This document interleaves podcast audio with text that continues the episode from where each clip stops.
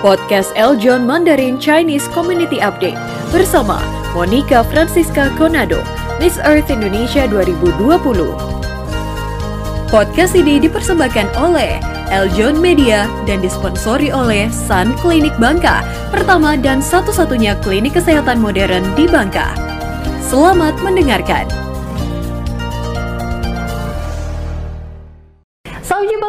Sahabat Eljon, Anda kembali menyaksikan Chinese Community Update. Kali ini bersama saya Monica Konado. Chinese Community Update merupakan program yang menayangkan informasi terkait dengan kegiatan dan juga aktivitas dari komunitas Tionghoa maupun perkumpulan marga Tionghoa. Dan pada segmen yang pertama kali ini kita akan mengikuti terlebih dahulu kegiatan komunitas Tionghoa.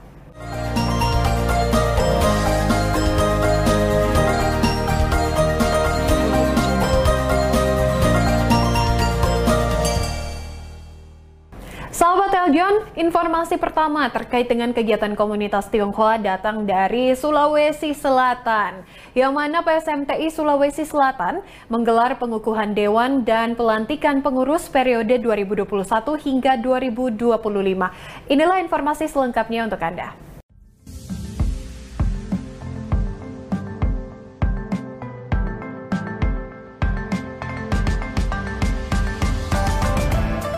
Paguyuban Sosial Marga Tionghoa Indonesia PSMTI Sulawesi Selatan melaksanakan pengukuhan dan pelantikan pengurus periode 2021 hingga 2025 secara terbatas. Acara pelantikan PSMTI Sulawesi Selatan kali ini sangat berbeda dengan pelantikan sebelumnya, yang mana saat ini pengurus hanya bisa bertemu secara virtual.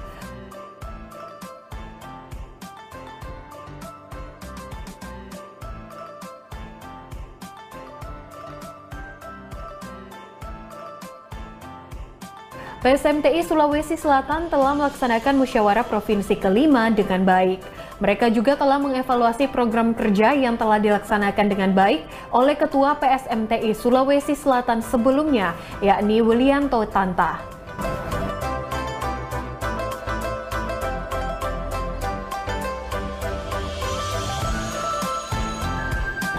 Ketua PSMTI Sulawesi Selatan periode 2021 hingga 2025, Emi Jita, telah terpilih secara aklamasi dalam Musprov kelima PSMTI Sulawesi Selatan yang telah diselenggarakan pada 27 Februari 2021.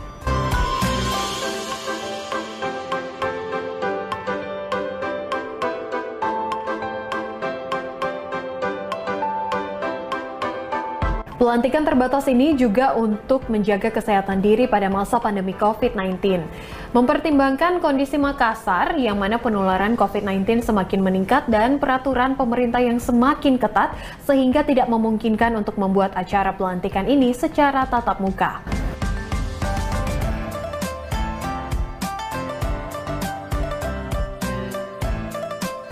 Pengukuhan ini diawali dengan seminar motivasi oleh Andre Wongso dan penyerahan plakat apresiasi bagi pendiri PSMTI Sulawesi Selatan yang telah berjasa sebagai pioner terbentuknya PSMTI Sulawesi Selatan tahun 2000.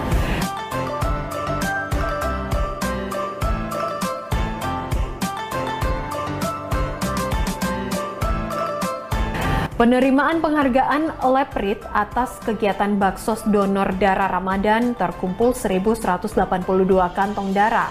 PSMT Sulawesi Selatan sebagai wadah warga Tionghoa dalam perjalanannya selama 20 tahun telah banyak menghadapi tantangan, namun secara institusional telah mendapat sambutan yang baik dari suku Tionghoa di Sulawesi Selatan. Kenyataannya PSMTI Sulawesi Selatan telah memiliki 9 cabang kota kabupaten yang telah terbentuk.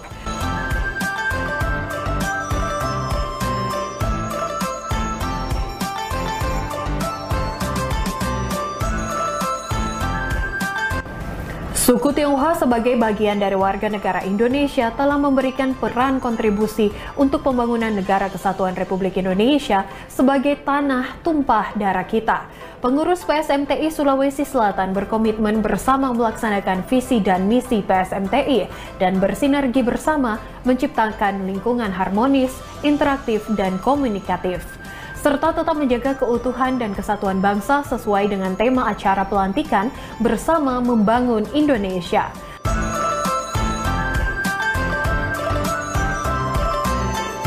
Pada momen pelantikan ini, panitia juga mengucapkan terima kasih kepada semua pihak yang telah membantu dalam pelaksanaan acara pengukuhan Dewan dan pelantikan pengurus PSMTI Sulawesi Selatan, baik dalam pemikiran, moral, saran, dan juga dana, sehingga acara ini dapat terselenggara dengan baik.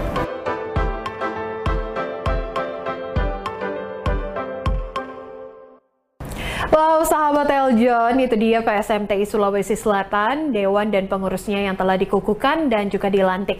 Saatnya kita ikuti informasi selanjutnya, yakni terkait dengan bantuan kemanusiaan 500 ton oksigen bagi Indonesia yang sangat mendesak dari Tanoto Foundation. Yang sebagai ownernya adalah Bapak Sukanto Tanoto alias Tan Kang Ho, WNI keturunan Tionghoa.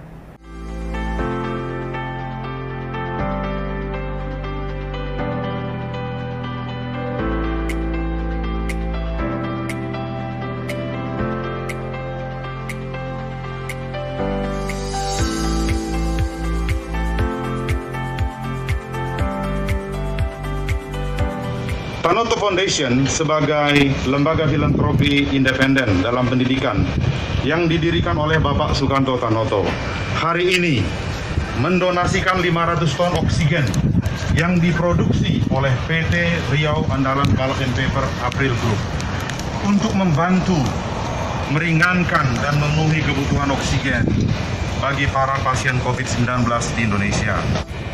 Terima kasih yang seluruhnya kepada Tenoto Foundation bersama CEO April Group. Mudah-mudahan tentunya kita bisa menambah lagi seandainya dibutuhkan oleh negara untuk kepentingan kemanusiaan. Kementerian Perusian menyampaikan apresiasi dan penghargaan yang setinggi-tingginya kepada Tanoto Foundation dan mitra perusahaan April Group juga PT Riau Andalan Pulp and Paper, PT RAPT, yang dalam kondisi pandemi ini telah bersedia memberikan bantuan pasokan oksigen medis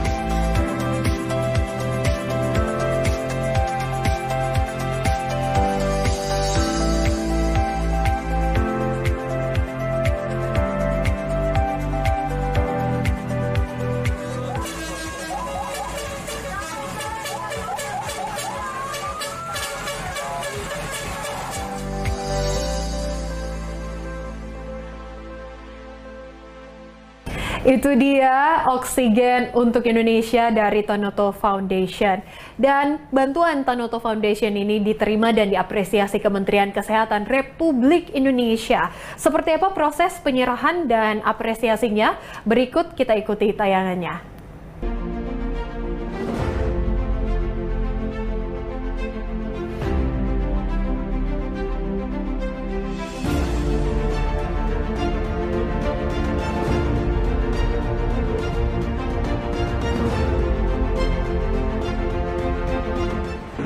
Kami langsung mendapat arahan dari keluarga Tanoto mengingat begitu dibutuhkannya oksigen ini untuk pelayanan kesehatan rumah sakit di Indonesia.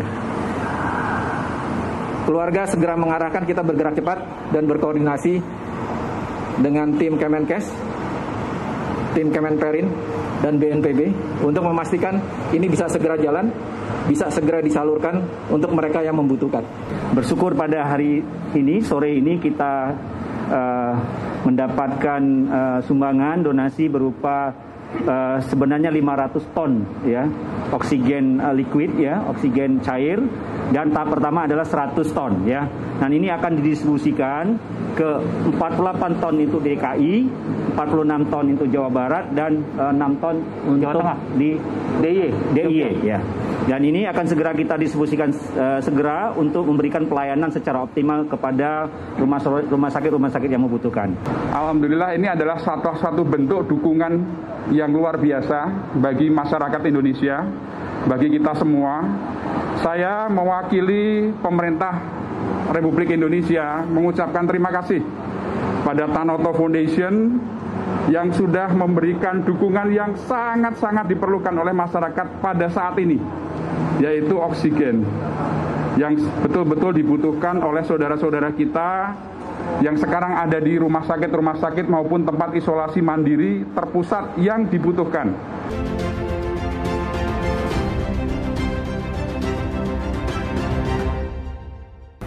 Sahabat Eljon, itu dia Tanoto Foundation menjadi contoh bagi kita semua untuk saling membantu ketika dalam masa sukar seperti saat ini yakni pandemi COVID-19. Selanjutnya kita ikuti informasi terkait dengan aksi nyata Vivere Group gelar sentra vaksin melalui kegiatan serbuan vaksin COVID-19 di Kabupaten Tangerang bersama Vivere Group dan juga Komando Resor Militer 052 Wijaya Krama dan Dinas Kesehatan Kabupaten Tangerang. Sebagai bagian dari pelaku usaha di Indonesia, Vivere Group terus mendukung upaya pemerintah dalam percepatan program vaksinasi COVID-19. Kegiatan ini merupakan rangkaian program Corporate Social Responsibility atau CSR yang dilakukan Yayasan Pendidikan Vivere dengan menggelar sentra vaksin di Gedung South 78 Serpong. Dalam kegiatan ini, Vivere Group bekerja sama dengan pemerintah daerah Kabupaten Tangerang yang melibatkan Korem 052 Wijaya Karma dan Dinas Kesehatan dalam kegiatan serbuan vaksin COVID-19 Kabupaten Tangerang yang dilakukan secara berkala sejak bulan Juni lalu. Vivere mendukung gerakan pemerintah dalam melawan dan memutus mata rantai penyebaran COVID-19. Besar harapan dari Vivere Group agar sentra vaksin dapat membantu masyarakat luas. Hal ini diutarakan Bapak Dedi Rohimat selaku Presiden Direktur Vivere Group. Hal ini terus diupayakan oleh perusahaan untuk mendukung percepatan pelaksanaan vaksinasi demi memenuhi target Kementerian Kesehatan, yakni 1 juta dosis per hari pada bulan Juli.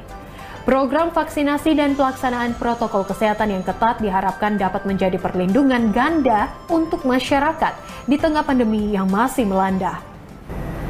Sahabat Eljon itu dia sejumlah informasi terkait dengan kegiatan komunitas Tionghoa dan kali ini kami masih akan kembali dengan informasi-informasi menarik lainnya. Tetaplah bersama kami dalam Chinese Community Update. Kami segera kembali setelah jeda pariwara berikut ini. Sahabat Eljon TV di mana pun Anda berada, Anda sedang menonton program Chinese Community Update. Bagi Anda yang tinggal di Pangkal Pinang, Bangka, Anda mempunyai pusat kesehatan terpadu, terbesar, dan terlengkap yang melayani secara holistik, yaitu Sun Clinic. Sun Clinic melayani pasien BPJS, rujuk balik, pasien umum, asuransi, dan perusahaan-perusahaan swasta. Sun Clinic telah menjadi pelopor pelayanan BPJS kesehatan dan telah menerima banyak penghargaan Service of Excellence. Sun Clinic adalah klinik yang tersertifikasi sistem manajemen mutu ISO 9001 versi 2015 dari Badan Sertifikasi TNV Certification. Sun Clinic melayani konsultasi dokter umum, rujukan dokter spesialis, terapi wicara, audiometri, fisioterapi, tindakan bedah minor, dan sirkumsisi. Dilengkapi dengan laboratorium yang menggunakan sistem LIS untuk mengurangi human error, melayani pemeriksaan hematologi, kimia darah, alergi, pap smear, medical check-up, dan home service. Didukung oleh Apotek Xavier yang menyediakan obat-obatan dan alat-alat kesehatan yang lengkap, asli, dan berkualitas dengan harga yang terjangkau. Di saat pandemi ini, Sun Clinic melayani antigen swab untuk keperluan pribadi atau perjalanan baik darat maupun udara. Untuk informasi lebih lanjut, silahkan telepon ke plus 62 717 42 97 888 atau WhatsApp ke plus 62 822 60 375 888.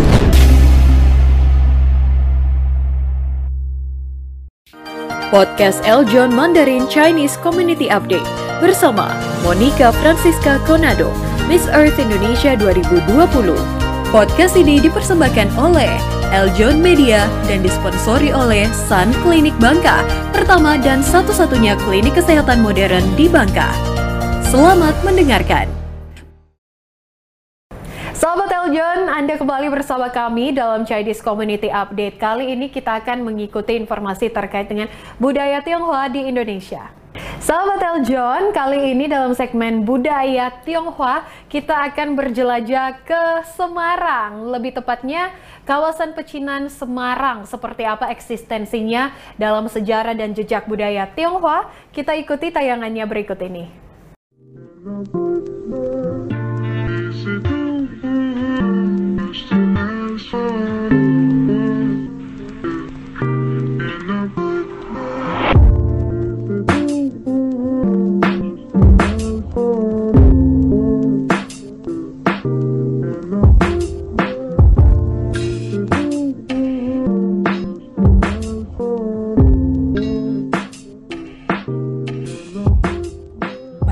Masyarakat Tionghoa ke Nusantara. Hubungan antara masyarakat Tionghoa dengan masyarakat Nusantara telah terbina dari hubungan dagang yang sudah terjalin sejak abad ke-13. Orang-orang Tionghoa menyebar dan tinggal di daerah yang merupakan tempat penting dalam hal perdagangan. Masyarakat Tionghoa ini datang ke Nusantara melalui tiga tahap atau tiga gelombang. Untuk gelombang pertama, terjadi pada saat Nusantara masih diperintah oleh raja. Orang-orang Tionghoa datang ke Nusantara semata-mata adalah untuk hubungan perdagangan, sehingga jumlah dari orang-orang Tionghoa ini juga masih relatif sedikit. Mereka pun belum membentuk satuan komunitas yang menetap di wilayah Nusantara. Orang-orang Tionghoa ini hanya bermukim di sekitar pelabuhan untuk jangka waktu yang tidak lama. Lalu, untuk gelombang kedua, terjadi setelah kedatangan bangsa Eropa ke Nusantara. Walaupun masih didorong oleh alasan yang sama, yakni alasan perdagangan, namun jumlah migrasinya semakin meningkat. Dengan hadirnya orang-orang Eropa di Nusantara, menjadi sebuah peluang bagi masyarakat Tionghoa untuk berpartisipasi lebih aktif, terutama dalam bidang perdagangan. Hal ini memungkinkan orang-orang Tionghoa untuk menetap di wilayah Nusantara dalam jangka waktu yang cukup lama. Lalu, pada gelombang ketiga atau gelombang terakhir, terjadi ketika Nusantara telah berada di bawah pemerintahan Kompeni Belanda. Pada gelombang inilah banyak ditemui permukiman orang-orang Tionghoa yang juga menandai bahwa orang-orang Tionghoa yang berada di Nusantara ini telah dalam jumlah yang besar. Pada gelombang ketiga inilah merupakan puncak dari migrasi yang dilakukan oleh orang-orang Tionghoa bagian selatan ke Nusantara. Stratifikasi masyarakat Tionghoa dalam bidang sosioekonomi. Kota Semarang, penduduk Tionghoa merupakan penduduk terbesar kedua setelah penduduk masyarakat Bumi Putra. Orang-orang Tionghoa ini juga lebih mendapatkan perhatian khusus dari pemerintah Hindia Belanda jika dibandingkan dengan orang-orang Arab, India maupun Melayu. Dalam strata sosial di Hindia Belanda, orang-orang Tionghoa memiliki strata satu tingkat lebih tinggi dari penduduk Bumi Putra. Golongan Tionghoa ini memiliki peran yang penting dalam bidang perdagangan. Bahkan sebelum adanya orang-orang Eropa ke Hindia Belanda, orang-orang Tionghoa memainkan peran sebagai importer barang kerajinan Cina dan eksportir produk Hindia Belanda. Dalam peraturan yang ditetapkan dalam pasal 6-10 Algemene Bepalning van Wetgeving, orang-orang Timur Asing seperti orang Tionghoa, Arab, India, dan lainnya dikelompokkan ke dalam golongan yang berdasarkan pada agama.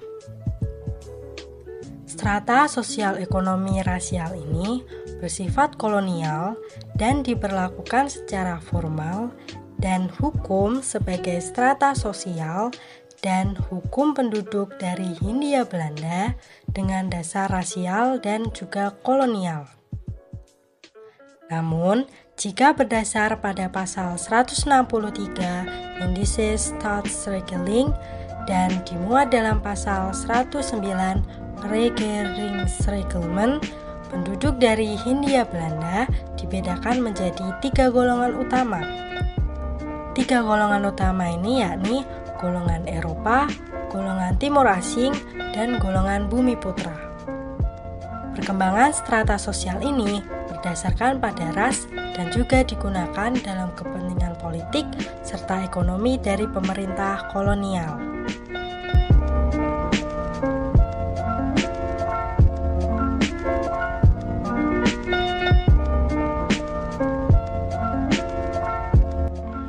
Kawasan Pecinan Semarang ini merupakan sebuah kawasan pemukiman masyarakat Tionghoa yang telah datang secara berangsur-angsur ke Semarang sejak beberapa abad yang lalu.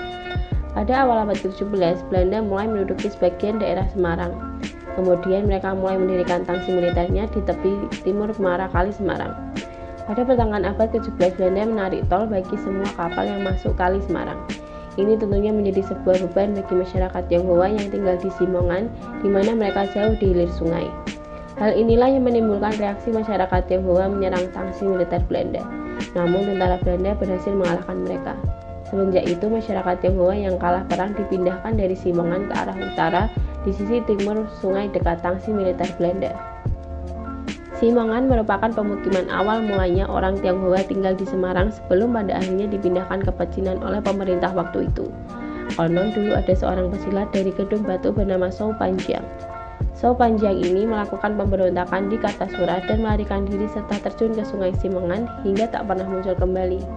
Ini yang mengakibatkan komponi Belanda untuk memerintahkan agar orang-orang Tionghoa pindah ke Pecinan pada tahun 1628. Selain itu juga kolonial Belanda bermaksud untuk memisahkan kebersamaan orang Tionghoa dengan pribumi. Tetapi dengan adanya kegiatan perdagangan yang dipindah ini mengakibatkan perkembangannya berjalan pesat sekali, terutama adanya interaksi dalam kehidupan antara para masyarakat Tionghoa dengan pribumi di kota Semarang. Istilah peperangan tersebut dikenal dengan istilah geger pecinan. Daerah Simongan merupakan sebuah daerah yang berupa teluk dan terletak di antara Muara Kali Semarang dengan Bandar Semarang. Daerah ini strategis dan menjadi kunci utama dari Bandar Semarang. Namun pada saat itu daerah Simongan belum memadai sebagai tempat hunian karena masih berupa rawa dan juga tegalan. Untuk di kota Semarang, kawasan pecinan mulai terbentuk dari adanya pemberontakan di Batavia atau Jakarta pada tahun 1740. Pada awalnya, pecinan berada di timur Sungai Semarang, namun setelah pemukiman Belanda mulai diperluas ke timur dan komponi Belanda mengubah aliran sungai Semarang sepanjang 200 meter, maka kawasan pecinan ini dipindah lagi ke sebelah barat sungai pada tahun 1741, sehingga pemukiman antara orang-orang Belanda dengan orang-orang Tionghoa terpisah oleh aliran sungai Semarang.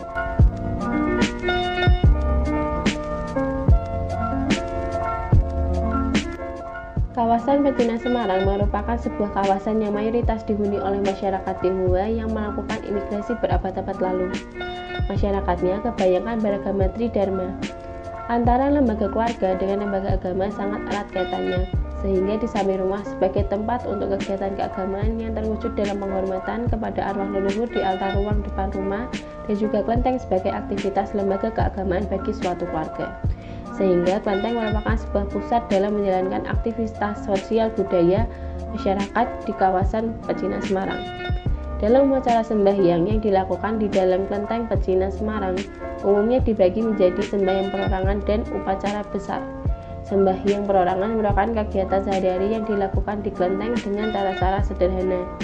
Untuk upacara besar terkadang dimeriahkan dengan adanya festival atraksi seperti barongsai dan samsi.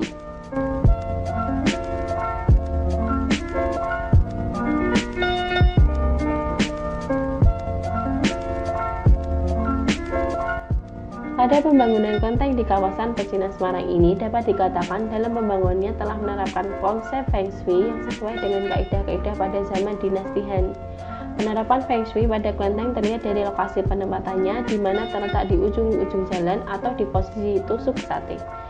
Pembangunan kelenteng pada posisi ini dimaksudkan untuk membersihkan ki negatif atau energi buangan di sepanjang jalan di depannya. Pembangunan kelenteng di ujung jalan dimaksudkan untuk menetralkan energi buruk yang nantinya dapat memengaruhi kehidupan masyarakat. Masyarakat Tionghoa percaya bahwa letak bangunan ini sangat penting. Pada kawasan Pecinan Semarang, pembangunan kelenteng ini menghadap ke arah utara karena orientasi dalam membangun kelenteng selalu mengarah ke laut. Letak dan arah laut di kota Semarang adalah di utara, sehingga arah hadapan kelenteng berada di utara.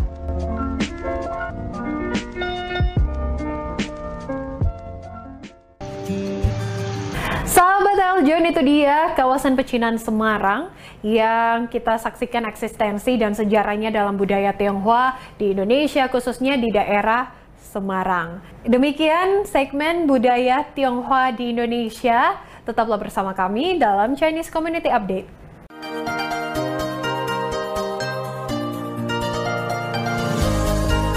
Terima kasih telah mendengarkan podcast Eljon Mandarin Chinese Community Update persembahan dari Eljon Media dan disponsori oleh Sun Clinic Bangka, pertama dan satu-satunya klinik kesehatan modern di Bangka.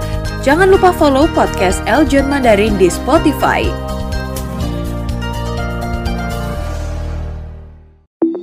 Bagi Anda yang tinggal di Pangkal Pinang, Bangka, Anda mempunyai pusat kesehatan terpadu, terbesar, dan terlengkap yang melayani secara holistik, yaitu Sun Clinic. Sun Clinic melayani pasien BPJS, rujuk balik, pasien umum, asuransi, dan perusahaan-perusahaan swasta. Sun Clinic telah menjadi pelopor pelayanan BPJS kesehatan dan telah menerima banyak penghargaan Service of Excellence. Sun Clinic adalah klinik yang tersertifikasi sistem manajemen mutu ISO 9001 versi 2015 dari Badan Sertifikasi TNV Certification. Sun Clinic melayani konsultasi dokter umum, rujukan dokter spesialis, terapi wicara, audiometri, fisioterapi, tindakan bedah minor, dan sirkumsisi. Dilengkapi dengan laboratorium yang menggunakan sistem LIS untuk mengurangi human error, melayani pemeriksaan hematologi, kimia darah, alergi, pap smear, medical medical check-up, dan home service. Didukung oleh Apotek Xavier yang menyediakan obat-obatan dan alat-alat kesehatan yang lengkap, asli, dan berkualitas dengan harga yang terjangkau. Di saat pandemi ini, Sun Clinic melayani antigen swab untuk keperluan pribadi atau perjalanan baik darat maupun udara. Untuk informasi lebih lanjut, silahkan telepon ke plus 62 717 42 97 888 atau WhatsApp ke plus 62 822 60 375 888.